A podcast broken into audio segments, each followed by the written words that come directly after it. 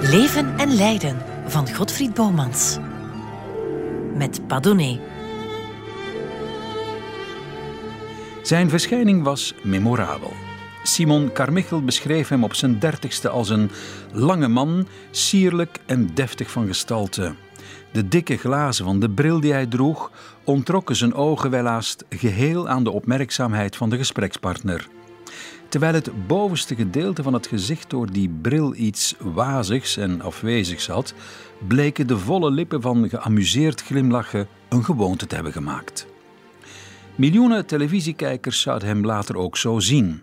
Een charmante knuffelbeer die de kijkers ongegeneerd over de hoofden aaide en niet te beroerd was om zelf lief en aardig te worden gevonden.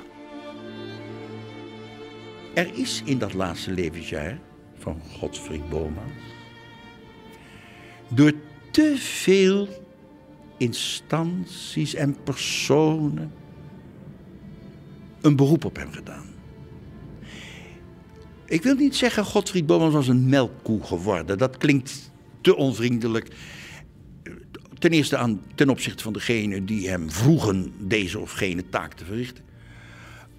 Uh, anderzijds ten opzichte van hemzelf. Als dacht hij, het kan nooit ophouden, het mag, mag wat mij betreft doorgaan. Maar er is te veel aan hem gevraagd. Er is toch te weinig rekening gehouden met wat deze in, in zekere zin toch tere man aankon. Hij is doodgegaan aan oververmoeidheid. Dit is een podcast van Clara.